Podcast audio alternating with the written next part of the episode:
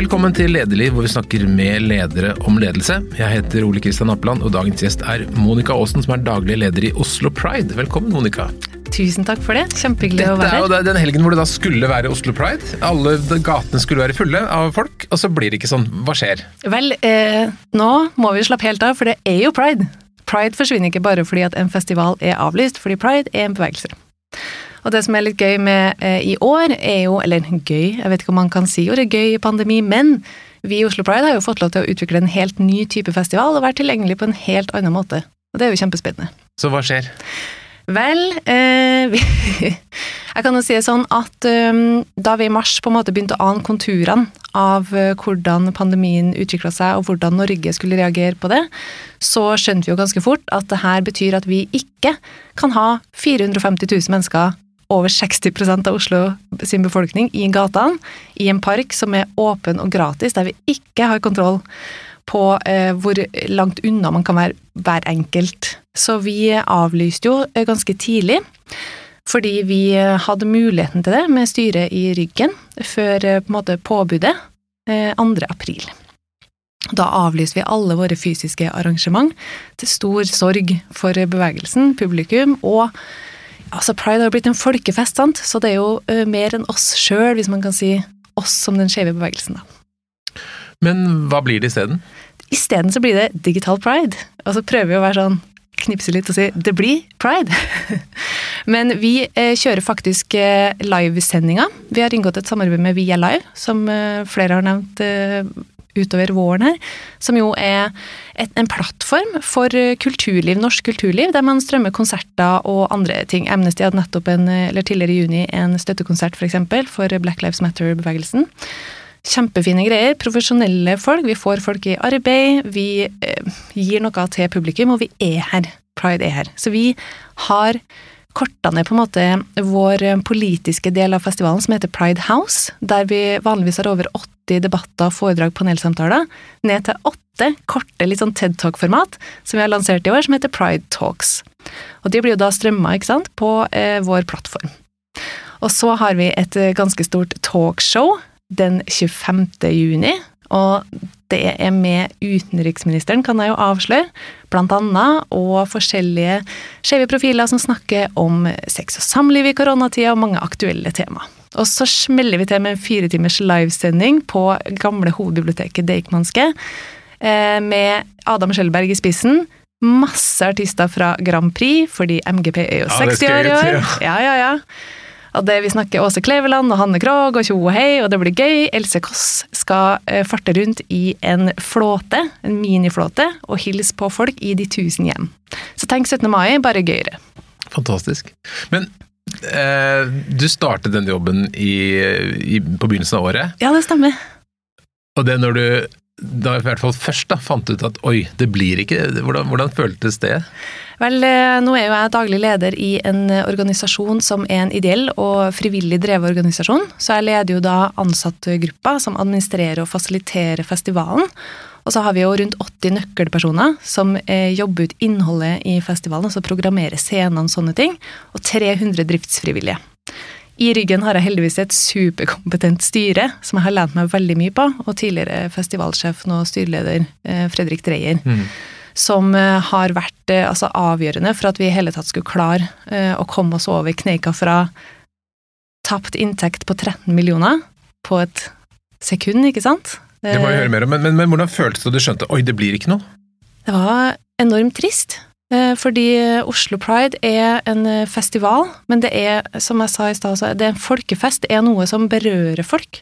Vi er til stede i folk sine liv på en måte som utgjør en veldig stor forskjell. Vi jobber for eh, en tryggere hverdag, en bedre hverdag, bedre forståelse i næringslivet, i hjemmene, på skole. Altså, vi er jo rett og slett eh, så heldige at vi er kanskje verdens mest seriøse eventbyrå, da. Ja, det, høres veldig bra ut. Verdens mest seriøse eventbyrå. For det, dere er en liten organisasjon. Fortell hvordan er den bygget opp, hvordan er, hvordan er inntektssiden f.eks.? Ja, Inntektssida er veldig interessant, eh, fordi vi har veldig lav offentlig støtte. Vi er ikke på statsbudsjettet, og har eh, eh, rett under 8 støtte fra totalbudsjettet fra f.eks. Oslo kommune, som vi er veldig glad for, men det er jo veldig lavt. Mm. Vi har også en del kommersielle samarbeidspartnere som vi jobber med for å øke kunnskap og mangfold i nærings- og arbeidslivet. Du kan godt få si et par hvis du har lyst til å gi Ja, det. vi har jo Nordea er jo en av de som har støtta oss og vært med oss selv om vi måtte avlyse fysiske arrangement, som jo gjør at synligheten blir mindre. Eh, Og Nordic Choice, eh, de er de to som er hovedpartnerne våre. Mm. Så har vi en rekke andre kjempegode partnere som vi er veldig stolte av. Eh, Eplehuset f.eks. Mm. støtter oss eh, likevel, og det er vi kjempeglade for. Men den kommersielle støtta vår, den ligger på under eh, den eh, statlige og kommunale. Mm. Så rundt 7% av totalbudsjettet vårt. Da lurer jeg på hvor resten kommer fra. Ja. Altså, eh, vi har jo nå vært i forskjellige møter, bl.a. med eh, kulturministeren, fordi vi har måttet forklart at det er litt vanskelig for oss å eh, lage et så stort gratisarrangement for hele Oslo og hele Norge. Vi har 36 tilreisende, ikke sant? Eh, uten å få særlig mye for det. Eh, vi jobber med sikkerhet, vi jobber med bla, bla, bla. bla. Vi faller mellom alle stoler. Vi er en frivillig drevet organisasjon, men vi også driver kommersielt. Inntektene våre er fra publikum i Pride Park. Ja. Stort sett. Så er det dere selger pølser og is, rett og slett? Ja, da, vi kan jo si pølse og is siden det er en podkast, eh, men alle som er har vært på? Pride, vet hva jeg mener. Men, men øh, Og det får du ikke gjort i, da, i samme omfang i år, så da Nei, hva, hva skjer da? Nei, nå har vi jo da eh, Altså, de som jobber i markedsavdelinga hos oss, har jo da måttet jobbe på en måte dobbelt eh, for å informere partnerne og prøve å på en måte overbevise og eh, fortelle om hva vi har tenkt å gjøre, før vi har laga det. Noe som vi aldri har laga før. Det er kjempegøy å få lov til å være tilgjengelig på skjerm, fordi det utløser ting eh, i organisasjonen. ikke sant? Vi kan være tilgjengelig for folk som ikke har fysisk mulighet til å delta. Så de har jobba veldig hardt, og så har eh, de frivillige måttet på en måte signert for enda et år, ikke sant? Eh, selv om det ikke blir festival. Det å være frivillig hos oss, det er en det er et sånt um, både, Jeg tror jeg snakker for både meg sjøl og veldig mange i organisasjonen. Det er indre motivasjon. Du får ikke billetter til øya eh, av å jobbe hos oss. Du får ikke uendelig med drikkebonger eller is eller noe sånt. Det er følelsen. Mm. Følelsen av å være en del av noe større. Så det har, eh, det har vært utfordrende, men vi har jobba så godt sammen. Og det har vært enormt interessant for meg som ny leder å kjenne på at det laget her, det er det laget som skal bygge eh, festivalen framover på en helt ny måte. Mm. Og det er jo gøy, da. Fortell litt om historien til festivalen. Hvordan startet det? Nei, altså Pride generelt starta jo som et opprør eh, av eh, svarte transaktivister i USA. Da snakker vi Altså, det var jo 50-årsjubileum i fjor Mm.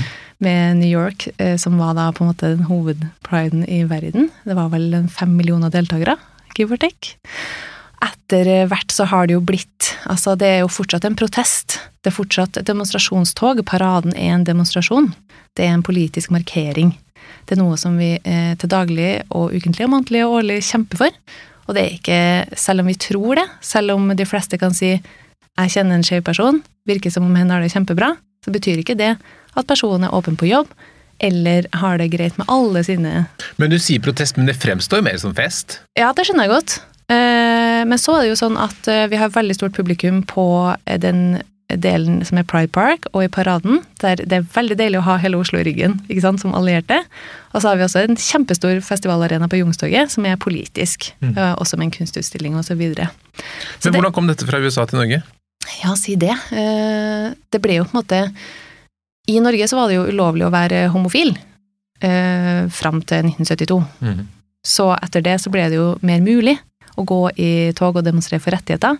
Og så har jo det utvikla seg, ettersom aksepten har blitt større, men også ettersom at folk har følt at eh, Ikke følt, men faktisk opplevd reelt at man ikke risikerer liv og helse ved å gå eh, i et demonstrasjonstog Mm. eller delta på skeive arrangement. For det kunne man føle på i gamle dager. Ja, det var ikke noe man bare følte på, det var ekte. Mm. Og det er, ikke, det er ikke sånn at folk ikke blir slått ned lenger, altså. Det er fortsatt en, eh, det er fortsatt en ting. Men i det store og det hele så er det en ganske fantastisk utvikling som har skjedd, da. Fra er å være kriminelt til å bli såpass akseptert som det er nå. Ja, det er helt fantastisk. Eh, Og det er en sånn Det er derfor også at vi eh, ønsker så selv om vi ikke kan ha fysisk festival, så lever jo ånden i eh, pride lever uansett. Mm. Det går ikke an å avlyse pride. Altså, tre pandemier til. Det går ikke an å avlyse pride, for det er en bevegelse. Vi er jo bare en del av en kjempestor bevegelse.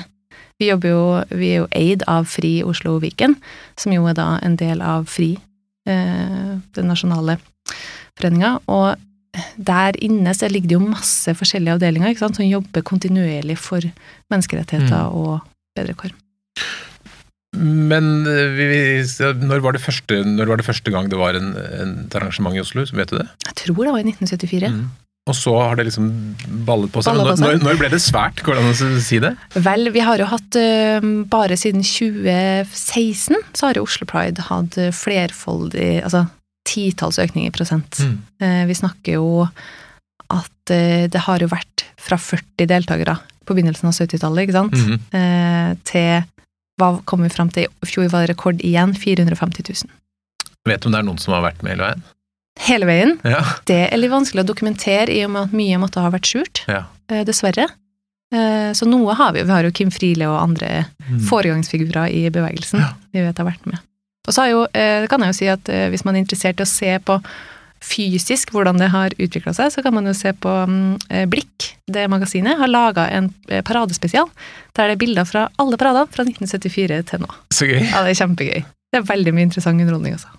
Men er det slik at alle er velkommen? For jeg leste at for et par år siden så var det en eh, statsråd, Søviknes, som fikk beskjed om at det ikke var velkommen. Ja, ikke sant? Eh, alle er jo velkommen til å delta i paraden, men vi ønsker jo ikke at aktører som ikke kan eh, si seg enig i vårt verdigrunnlag, er med på vår markering. Det tenker jeg sier seg sjøl. Mm. Så alle som støtter saka, er velkommen. Definitivt. Vi har eh, altså Oslo Pride er partipolitisk helt uavhengig. Ja. Vi er også Altså, det er FRI som fører på en måte det politiske eh, delen av kampen, og så er det vi som på en måte når ut til folket i litt større grad med pride-arrangement, da. Det finnes jo også mange, mange prider i Norge. Mm. Oslo Pride er jo størst fordi vi er hovedstaden. Men er det nå slik at det blir digital pride over hele verden? Det blir det. Eh, Det er faktisk en ny organisasjon som heter Global Pride. Og nå på lørdag 27. så får man faktisk se da smakebiter fra hele verden i sekvenser. Det skal legges ut på YouTube. Vi vet ikke helt eh, klokkeslettet, men jeg vil tro at det blir nesten 24 timer, for det er så mange deltakere. Så kult. Og fra Norge så har jo statsministeren sendt eh, hilsen dit, og så har jo Oslo Pride sendt, og flere andre prides. Eh, fra Steinkjer Pride til Troms til Ikke sant? Det er kjempegøy å se på. Så gøy. Men du, tilbake til da denne lille, lille organisasjonen din som du sitter med. Hvordan ser den ut, og hvordan måtte dere jobbe når dere skjønte at dette ble ikke et vanlig år? Den lille, store organisasjonen, ja. Vel, vi eh, er jo vanligvis så har vi jo veldig mange sånne søyler, som vi kaller det, i organisasjonen. Vi jobber med Pride House, vi jobber med Pride Park, vi jobber med eh, Pride Art, ikke sant. Vi har mange forskjellige deler av festivalen som til sammen utgjør Pride. Vi har jo et bookingteam, vi har noen som jobber på miljø, eh, vi har noen som jobber på renhold Altså, vi har så mange folk. Og så har vi ingenting, plutselig. Vi aner ikke hvordan vi skal gjøre det, og så begynner vi å snakke sammen. Vi river litt sånn søylene opp fra hverandre, kaster alt sammen, kjenner på hva klarer vi å få til, hvordan kan hver enkelt eh, fagsjef, som vi kaller det, da, som har ansvar for sitt område, eh, jobbe for å bedre forstå hverandre sin del i festivalen, og komme fram til noe vi kan få til sammen. Løsninga ble jo da en produksjon. Men, men det, det høres så veldig konstruktiv ut, sånn med, men, men kom du dit med en gang, eller var det en fase hvor du var lei deg og trist? Nei, det var kamp kampånd med en gang. Okay. Og det var ikke bare meg, altså. Det, jeg vil ikke ha all æren for det, fordi teamet mitt, både de ansatte og de frivillige og styret, det var med en gang. Ja. Det var et sånt samhold som jeg sjelden har opplevd. Utenfor denne bevegelsen så har jeg ikke opplevd en sånn måte å bare kaste seg rundt på og kjøre i gang og lage noe fint for publikum som trenger Oslo Pride. Så dere fikk en masse god sånn eventenergi mm, i det øyeblikket dere skjønte at det ikke ble et, eh, et, et vanlig arrangement? Ja, vi tørka tårene, snudde oss og gikk Mm. rett i front. Så gøy. Mm. Og hvordan har du organisert det, da? Vel, vi har jo hatt litt utfordringer fordi vi ikke kunne møtes fysisk. Mm. Vanligvis når man jobber med, vet du mye om, redaksjonelt arbeid, som det blir mer eh, lignende da, enn eh, det vanlige organisat organisatoriske måten vi er inne på, på, så har vi jo måttet ha daglige møter, digitale, der vi har eh, lagt opp systemer sant, for hvordan man kommer til ordet, hvem er som skal stemme rett i hermetegn på det, hvem Ja. skal utforme det innholdet. Så vi har rett og slett brukt mye, mye tid sammen på å forme en helt ny festival i festivalen. Kjempespennende og utfordrende. Øh, hva, hva føler du da stilt av krav til deg? Har, du blitt, blitt annerledes, blitt, har jobben blitt annerledes enn du så for deg? Kan jo si, altså, Jeg har jo aldri vært daglig leder før. Jeg har jo vært produsent og regissør og har gjort veldig mye som har på en måte lederansvar, men det er noe helt annet å ha arbeidsgiveransvar, og også over så lang tid. Jeg er jo på åremål, Mm. eh, fire år, ikke sant. Jeg har en viss formening om et par prosjekter jeg har lyst til å få til, noen sånne darlings som jeg har lyst til å gjøre. Og så er man jo ikke forberedt på at man skal snu helt om, så man må jo omstille seg. Så jeg tenker jo at eh, det har jo vært eh, jeg tror den der tørke tårer og så snu seg, det gjelder for alle involverte. Og så har jeg måttet tenkt ut hvordan skal jeg klare å bevare frivilligheten? Hvordan skal jeg klare å dyrke fram eh, kampånden enda mer, og holde på den? Holde på motivasjonen når du ikke kan ha eh, fysisk kontakt, ikke sitte på det kontoret, og ikke få med deg de småtingene som skaper frustrasjon i en organisasjon. Det har kanskje vært det vanskeligste, men jeg føler at vi har eh, tatt veldig godt vare på hverandre, og så må man jo bare prøve å være Mm. ærlig på at altså som leder så blir man jo veldig ofte en sånn flaskehals i kommunikasjonen, ikke sant, og det vil man gjerne unngå. Mm. Og i, når det er både frivillig ledd, ansattledd og et styre du skal forholde deg til, så blir det i hvert fall det. Så der, eh, der har vi lært mye i år, alle sammen. Hva føler du at du har lært mest av? Jeg har lært at øh, Jeg har lært så mye, jeg vet ikke hvor jeg skal begynne engang. gang. Men jeg kommer jo fra TV-bransjen, så jeg hadde jo litt flaks øh, med at nå ble digitalt. Jeg kunne komme med forslag ikke sant, øh, som flere øh, har noe erfaring med i organisasjonen. Så kunne vi bruke den erfaringa jeg hadde. Og så har jeg lært veldig mye om kompetansen og endringsviljen til mine ansatte og hele organisasjonen. Og det sitter så mye kompetanse der ute. Og så er det noe med velviljen rundt omkring, da. Det er jo Det har jo nylig vært en del om pinkwashing, sånn som det er hvert år Mm. i juni. Jeg vil gjerne snakke mer om det hele året, Mm. ikke bare i juni. Dagsnytt 18. Men um, endringsviljen har også vært til stede over hele linja, ikke sant. Mm. Eh, Næringslivet, kollegaer, andre organisasjoner, FRI. Alle har vært med og prøvd å legge til rette for at vi skal få til å lage noe. Vi sa ikke så mye om det, men du har jo bakgrunn fra film- og TV-produksjon og drevet med casting blant annet, og laget filmer osv. Det, det er jo litt flaks, da. At når du faktisk et år plutselig må avvikle eh, Pride som en, en slags TV-produksjon, har vi nettopp fått inn en daglig leder som kan akkurat det. Ja, det kan jeg ikke si er noe annet enn flaks.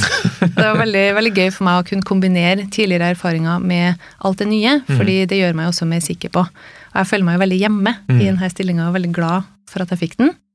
Det var ikke gitt. Mhm. Jeg måtte faktisk eh, Jeg ble nemlig ikke innkalt Gjorde du ikke det? til intervju i da. første omgang, så jeg ringte og var sur. Og det hjalp? Ja. Noen ganger så hjelper det å kjefte litt. Men du, la oss snakke litt om eh, homofiles og lesbiskes eh, kår eh, i arbeidslivet. Er det slik at Tror du det er mange ledere altså, vi, Det finnes jo en del ledere som vi vet er homofile, men, men det jeg tror det fortsatt er ledere der ute som ikke tør å, å vise legningen sin fordi at det er skambelagt eller skummelt på noen måte? Ja, tror jeg absolutt. Jeg tror uh, i idretten, uh, i kulturbransjen, overalt så finnes det både ledere og medarbeidere og eh, altså fra alle ledd og alle på alle nivå, folk som ikke ønsker å stå frem, eller ikke kan og tør. Og det har veldig mange årsaker, men hvis, altså det er jo litt sånn, vi jobber jo tett med næringslivet fordi vi har mange samarbeidspartnere, og FRI eh, og mange andre organisasjoner, Skeiv Verden og Salam, jobber jo også opp mot eh, å lære opp og heve kompetanse, øke kunnskapsnivået, prøve å fortelle hvor det måte proppen sitter. Mm. Eh, ikke at alle ledere er proppa i et system, men noen ganger så hjelper det jo veldig om Vi har hørt om flere bedrifter for eksempel, som har satt fram ett regnbueflagg i resepsjonen på kontoret sitt, og året etterpå så har det kommet en drøss med engasjement. Mm. Mange historier, og så også fra ledere sjøl, som har innsett at her er det faktisk det er bedre å være i det åpne og inkluderende Mm. miljøet. Da. Men generelt i arbeidslivet, da, er det greit å, å eller sånn Er det en begrensning i forhold til å få jobb? At man er homofil? Det er jo ikke lov å spørre om det. Nei? Det er jo ikke lov å spørre om man har tenkt å få barn heller. Det skjer jo likevel. Mm. Så jeg vet ikke om jeg ville ha svart et uh, rungende ja på det, men jeg vil jo tro at det er en utfordring for veldig mange. Men tror du Eh, det er, det er noe like som folk prøver å skjule? Jeg tror eh, at det absolutt er en del begrensninger uansett. Men jeg tenker at det spesielt gjelder transpersoner, Mm. og at der er det større utfordringer enn akkurat eksempel det å være bifil kvinne, da, sånn som Mm. jeg er. Bifil cis-kvinne er litt enklere. Mm. Og så tenker jeg at vi har eh, Altså, det å ha et eh, navn som ikke høres ut som eh, Monica Aasen, for eksempel, Mm. det tror jeg er en utfordring som vi Mm. bør se på med sammenligning. Mm. Transpersoner er spennende, for det kan jeg ingenting om. Men du har til og med laget film om det? Ja, jeg laga en informasjonsfilm eh, sammen med Skjev Ungdom eh, tilbake i 2014. Som var retta mot da helsevesenet, altså folk som er på jobb i helsevesenet, og gjerne da førstelinje. Mm. For det er jo noe med I 2014, det høres veldig kort ut siden, men uh, i på en måte bevegelsen så er det ganske Det har skjedd veldig mye siden det. Man har jo blant annet fått rett til å endre juridisk kjønn. Mm. Så man har fått mer selvbestemmelse over kroppen sin, og det er vi veldig glad for at uh, spesielt FRI da, har jobba mye for. Vi laga en film der vi intervjua folk om sine opplevelser med annet helsevesenet. Da snakker vi alt fra uh, altså personale på skole til legevakt, ikke sant. Mm. Og det er så enkelt som at helsevesen og andre må lære seg å sjekke eh, pronomen. Sjekke hva slags eh, Altså, hvor er det personen hører hjemme? Mm. Hvis personen sier 'jeg skal jo ikke sove på den kvinneavdelinga', Mm. så skal personen slippe det. Mm. Det bør være sånn Det er ganske enkelt. Tenker jeg, da.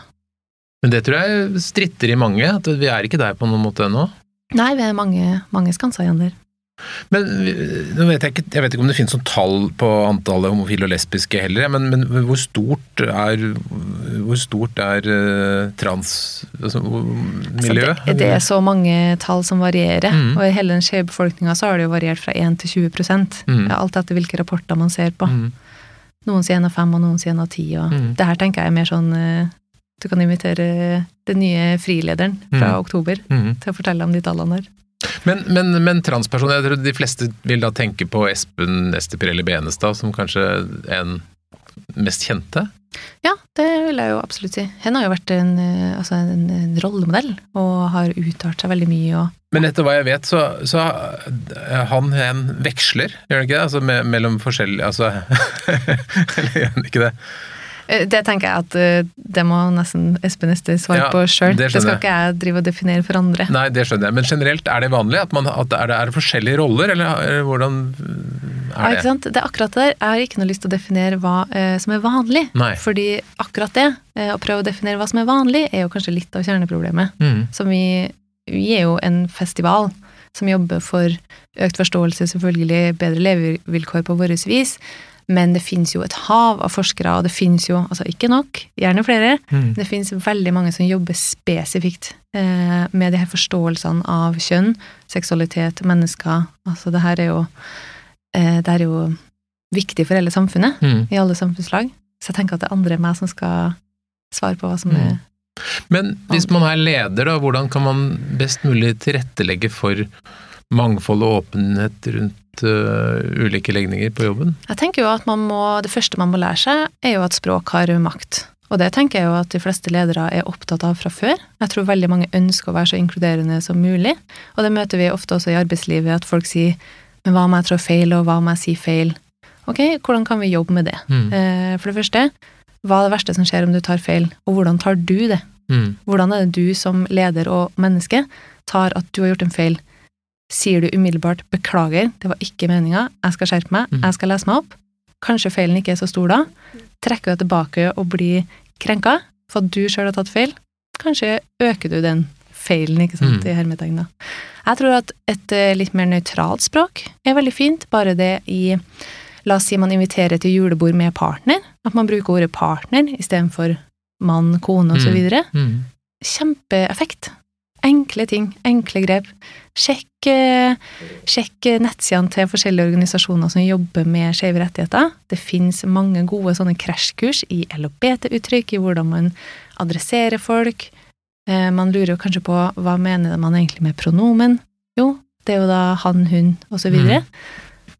Er det så enkelt som å spørre om pronomen? Ja, Kan man som leder skape, skape et, øh, et klima eller en kultur på, på toleranse rundt disse tingene? Nei, Forutenom det å ha et godt nøytralt språk, da, der man adresserer fordi Ved å ha et nøytralt språk, syns jeg at man adresserer at det finnes ulike modeller for både familie og samliv, for eksempel. Og bare der har du gjort en, en kjempeviktig altså et forarbeid, da. Så i fysiske, la oss si, det kommer alltid til å være konflikter av forskjellig grad i diverse bedrifter og organisasjoner. Det har vi alle opplevd og kommer til å oppleve. Hvordan tar du det? Mm. Hvordan jobber du med det? Hvordan adresserer du trakassering? Eh, Det er veldig vanlig nå, etter metoo, å ha eh, en, en HR-avdeling eller person eller daglig leder, alt ettersom størrelse, har en framgangsmåte for hva man gjør, og hvordan man jobber mot eh, seksuell trakassering, og hvordan man eh, jobber med det etterpå. Hva er prosessen? Mm. Og den bør være tydelig for ansatte og frivillige. Og her tenker jeg at det skader jo ikke å legge inn eh, flere ting. Hva er det organisasjonen din, du eller bedriften din tolererer av trakassering? Det bør jo ligge på null. Og hvordan håndterer du det? Med å på en måte skape presedens for hva som er eh, tolererbart og ikke, så har man jo gjort en kjempejobb, tenker jeg da. Mm. Og så må man være litt sånn raus med seg sjøl. Vi, eh, altså vi lager en festival der det er masse streitinger og heteroer som eh, står med regnbueeffekter og maler seg i fjeset og gråter med oss. Eh, heier med oss, ler med oss, er på festivalen vår.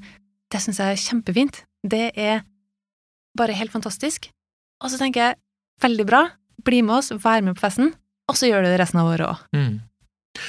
Apropos språk, hva er liksom riktig betegnelsen for, for lesbisk homofil? Altså, er det, er det bruker vi LGBT på norsk, eller hva er liksom den riktige summen? Ja, vi som er supernerds, vi bruker jo LHBTIQ pluss i store bokstaver. Det er jo litt upraktisk sånn. Men du, du kan få lov å definere, ta- det bokstav for bokstav. Det var Eh, lesbisk, Mm. L. mm, Homofil, mm, bifil, mm, LHBT, Mhm. trans, mm, LHBTI, intersex, mm. Q, queer, Oi, pluss. pluss. Og når du slenger på en sånn pluss, eh, det er jo litt sånn saferen, Ja. fordi det fins jo Vi kan jo nok uh, ha med flere bokstaver. Ja. Uh, aseksuell, for eksempel, aromantisk, poli, det fins mange, mange definisjoner. Og så tenker jeg at det er sånn Altså, som kommunikasjonsrådgiver så vil jeg anbefale kanskje å finne et litt enklere begrep. Ja, du syns det er litt lite catchy? ja, det er litt tungt. Ja. Men eh, jeg tenker Oslo Pride er jo ganske Altså, pride-ordet, Mm. det er jo ganske Det syns jeg er ganske catchy. Der når vi fram med et eh, budskap. Ja. Og så tenker jeg også at navn som Fri, eh, Skeiv verden her er, her er folk gode, her adresserer vi med en gang. Og så er det litt vanskelig det med det eh, alfabetet, Mm. med alle de bokstavene. Det er jeg enig i, vi kunne vært bedre der. Men jeg vet ikke om en bokstav eller noe kortere som gir på en måte rom da, til, til alle som trenger det. Det tror jeg må, det, det, det, det er en utfordring for bevegelsen der å finne på noe som er litt ja, Fri er jo egentlig et veldig godt ord, da, så kanskje man skal bruke det. Ikke sant? Eh, men eh, hva tenker du er de største barrierene? Altså, hva er det som det er åpenbart eh, Man har vunnet mange kamper siden 70-tallet. Hva er de største barrierene nå? Hva er, det, hva er kampsakene fremover? Ikke sant? Det her er sånn som jeg tenker at jeg som ikke er offisiell talsperson for uh, verken bevegelsen eller Oslo Pride, bør ikke uh, egentlig svare på. Mm. Eh, Det syns jeg at uh, man skal Men som deg selv, hva opplever du? Mine personlige kamper er Jeg jo, har jo bakgrunn i både feministbevegelsen og den skeive bevegelsen, Mm. så for meg så er det veldig viktig at alle kvinner blir tatt på alvor, Mm. spesielt uh, transkvinner. Her er det mange utfordringer, eh, som spesielt innad i feministbevegelsen. Har du lyst på et nytt uttrykk? Ja, kom igjen. Det er noe som heter TERF. Mm. Det er da trans... Altså transekskluderende radikal feminist. Okay. Og det er da et begrep som er Det her er vi er langt inne i Ja, materie ja, ja. her, altså. For folk som er interessert, så kan Mm. man jo google litt. Men eh, i skjæringspunktet mellom feminisme og skeivt og inkluderingsarbeid sånn sett, så eh, tenker jeg at her har vi en god, god vei å gå, da. Mm. Kjempeviktig for meg personlig. Eh, at alle, alle kan få definisjonsrett over egen kropp og liv. Mm. Men jeg skjønner også at det er, det er et litt uoversiktlig landskap, og når man kommer utenfra, så kan man bli litt forvirret. Ja. Ja, absolutt. Og det, det kan man jo ikke klandre noen for, at man ikke vet alt på forhånd. Og jeg tenker ofte så Kanskje hvis man klarer å stille litt åpne spørsmål, og spesielt eh, det er sikkert en del ledere som hører på denne podkasten. Nå har jeg hørt gjennom en del episoder sjøl Mhm. etter jeg ble invitert. Kjempeimponert. Det er veldig mange altså Marit Breivik har jo vært der. folk, ja. Sant? Ledestjerner. Um, åpne spørsmål er jo veien inn til gode svar. Det vet vi alle.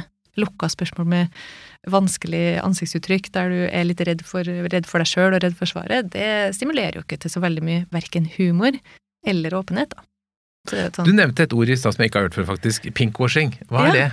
ja, pinkwashing, rosavasking på norsk, da. Ja. Eh, For eh, ja, det er jo da når bedrifter, næringslivet, bruker regnbue, eh, logo, produkter, uten å støtte bevegelsen. Mm. Mm. Men det er jo hyggelig at man vil bruke symbolene, men hva skulle man gjøre i tillegg, for å si det sånn? Nei, jeg tenker jo at man bør jo, eh, hvis man har lyst til å støtte pride-bevegelsen eller den skeive-bevegelsen, så bør man jo gå i dialog med foreninger, organisasjoner eller festivaler, forskjellige prides, mm -hmm. om å støtte de. Selger man produkter, så er det for egen vinning. Og for å, du, hvis du klasker på en regnbue, så betyr ikke det at du er flink. Eh, det betyr at du har klaska på en regnbue, og utad får veldig mye synlighet og positiv oppmerksomhet. Og så tenker vi at ja, kjempefint, og så ringer du oss. Hvis ikke så ringer vi jo deg, da. Men du, du tenker at man bør støtte med penger? Ja, absolutt. Så holder det ikke bare å være raus og åpen selv, liksom. Det, er- det er ikke noe med hvordan man er, men med det at man faktisk knytter seg til bevegelsen. Flott å være raus, Mm. eh, men det er også flott å, å jobbe med konsekvenstenkning. Mm. Det prøver jo vi å gjøre hele tida, da. Vi prøver å være raus, vi òg. Vi ønsker jo Vi ønsker jo Altså, vi har nok publikum. Eh, Vi sitter med veldig mye synlighet, ikke sant? Eh, Når eh, kommersielle aktører går i forskjellige parader rundt omkring i landet og internasjonalt. Hva får de igjen? Mye. De får igjen veldig mye. Men det er jo fantastisk da, at dere har Ja. kommet dit at folk faktisk vil smykke seg med deres merke. Ja, det er fantastisk. Det er absolutt kjempebra. Og vi skal vel ikke så langt tilbake før det ikke var et tema? Nei, altså, eh, senest i går så var det ei venninne av meg som eh, altså, da jobber i FRI, eh, og hun er sånn, hun smarteste i gjengen, superflink internasjonal rådgiver og har koll på alt. Eh, har da sendt mail til styreleder i borettslaget. Kan vi heise regnbueflagget under prideuka? Nei. Ikke sant? Mm. Eh, og så sitter jo vi her og er heldige, fordi vi sitter med så mye data og ressurser, og vi kan sende en lengre mail tilbake om hvorfor, at styrelederen bør si ja til det. Men så er det ganske mange som ikke uh, kan, eller, eller ikke vil det. Skjønner jeg kjempegodt. Men det er jo ikke sånn at det er easy-peasy. Jeg kan ikke huske å ha sett noe særlig prideflagg rundt i boområder. Tror du det er mange borettslag som gjør det? Ja, jeg vet jo alle borettslagene som jeg har bodd i, har jo gjort det. Det er jo fordi at jeg har da blitt styreleder. Ja. Det er veien å gå.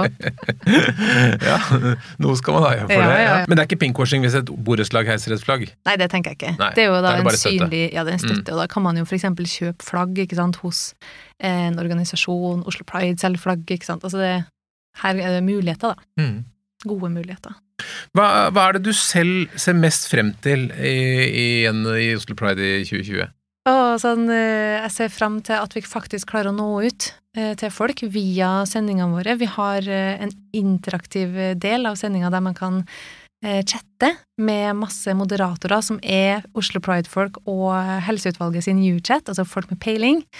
Og så oppfordrer vi jo folk til å feire hjemme med flagg på balkongen, og vi har jo inngått et samarbeid med Kolonial, ikke sant. Man kan bestille pride-brunsj hjemme, og så sender man bilder til oss. Så er det bildestrøm, sånn sommeråpen stil, og så er det chat på sida, og så har vi jo en livesending da, som, der vi tar opp eh, i sendinga eh, folk sine hilsninger. Så jeg gleder meg veldig til at vi skal forhåpentligvis føle oss mer knytta, selv om vi er på avstand. Det gleder jeg meg til. Og så gleder jeg meg veldig til at Åse Kleveland skal synge Intet nytt under solen eh, på vår MGP-spesial den eh, lørdagen, da. Det må jo bli helt fantastisk. Ja, det tror jeg. Har du noen tanker om hvor mange seere du får med på dette? Vi har, eh, vi har jo noen sånn indre mål som vi ikke har tenkt å dele, eh, for det er på en måte en sånn derre Hva håper vi på, og hva ser vi for oss er realistisk? Vi har jo vanligvis et Det blir rekord uansett, da, for dere har jo aldri gjort det før. Så sånn sett. Det er et veldig godt poeng. Ja. Ja, det blir suksess uansett. Men eh, vi har jo vanligvis 450 000 folk fysisk, så jeg tenker jo at hvis eh, 10% av de, det er godt. Mm. Det håper jeg. Jeg tror det blir mye mer. Ja, det, det tror jeg Mm. egentlig jeg òg.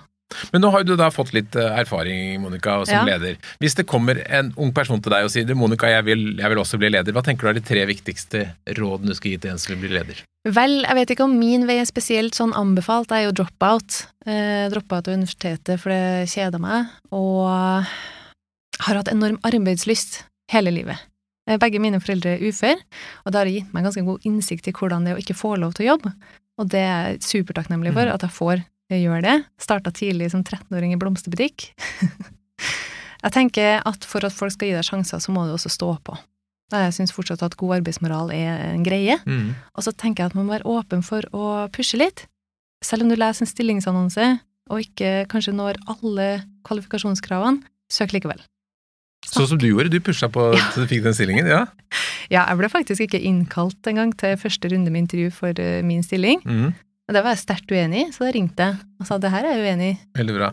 Så råd nummer én arbeidsmoral, to pushe litt, og nummer tre blir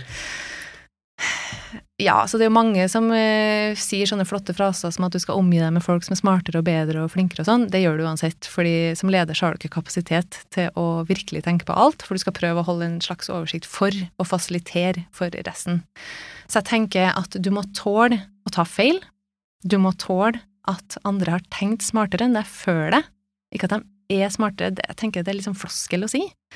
Men at du må stå Ja, faren min, da, Mm. eh, som er den beste lederen jeg kunne tenkt meg, han har vært veldig god. Stå i din egen drit. mm. Rydde opp. Det er mitt beste tips. Ja, jo tydelig rene ord for penga. Du skal få en sånn bonus. Du skal få gi tre råd til meg og andre ledere på hvordan vi skal være eh, gode til å legge til rette for eh, eh, mangfoldig seksualitet på jobben. Ja. Da vil jeg jo først og fremst eh, ta kontakt med dem som kan mer. Og det er jo rett og slett alle de som er nevnt nå. Det går selvfølgelig an å bare gå inn på fri.no, oslopride.no, det er flere, eh, altså Skeiv Verden, Salam, gode organisasjoner som kan masse. Gå inn der. Det finnes flere program som Mm. er sånn kunnskapsprogram. Eh, sjekk ut det. Det er nummer én. Nummer to, ikke vær redd for å stille spørsmål, men tenk over hvilke type spørsmål du stiller. Hva slags svar er du ute etter her? Og der må man jo da være åpen med Jeg tenker at hvis man skal få raushet, så må man være raus også. Da må man innrømme at man kanskje ikke kan så mye, Mm. og tenke at det er kanskje ikke så farlig, så lenge jeg prøver. Og det håper jeg jo gjelder eh, litt flere ledd, da. Så det var to, eller det var en seks vi tar ting. et tredje. En tredje ting tenker jeg er les deg opp sjøl. Prøv å øve deg på å være nøytral i språket ditt. Ta en samtale med en venn, partneren din, en kollega. Prøv i tre minutter å snakke om enten en fiksjonell person eller en ekte person uten å bruke pronomen. Det er en veldig god øvelse. For da skjønner du hvor mye av språket som er på en måte eh, bestemt av han, hun og så videre. Tre minutter uten pronomen. Ja, det tror jeg er krevende. Ja, det er faktisk det. Da har vi noe å tenke på i helgen. Eh, Monica Aasen, tusen takk for at du kom til Lederliv. Bare hyggelig. Takk for at jeg fikk være med. Happy pride! Du lytter til Lederliv, som er en podkast fra Apeland. Det er Ellen Paulsen, Lars Jarle Melum, Lars Volden og meg, Ole Kristian Apeland, som lager Lederliv. Du får flere episoder hvis du trykker abonner i podkastappen din. Og ta gjerne kontakt hvis du har noen tips eller innspill. Tips at lederliv.no, eller til meg, ole at apeland.no. Ha det bra!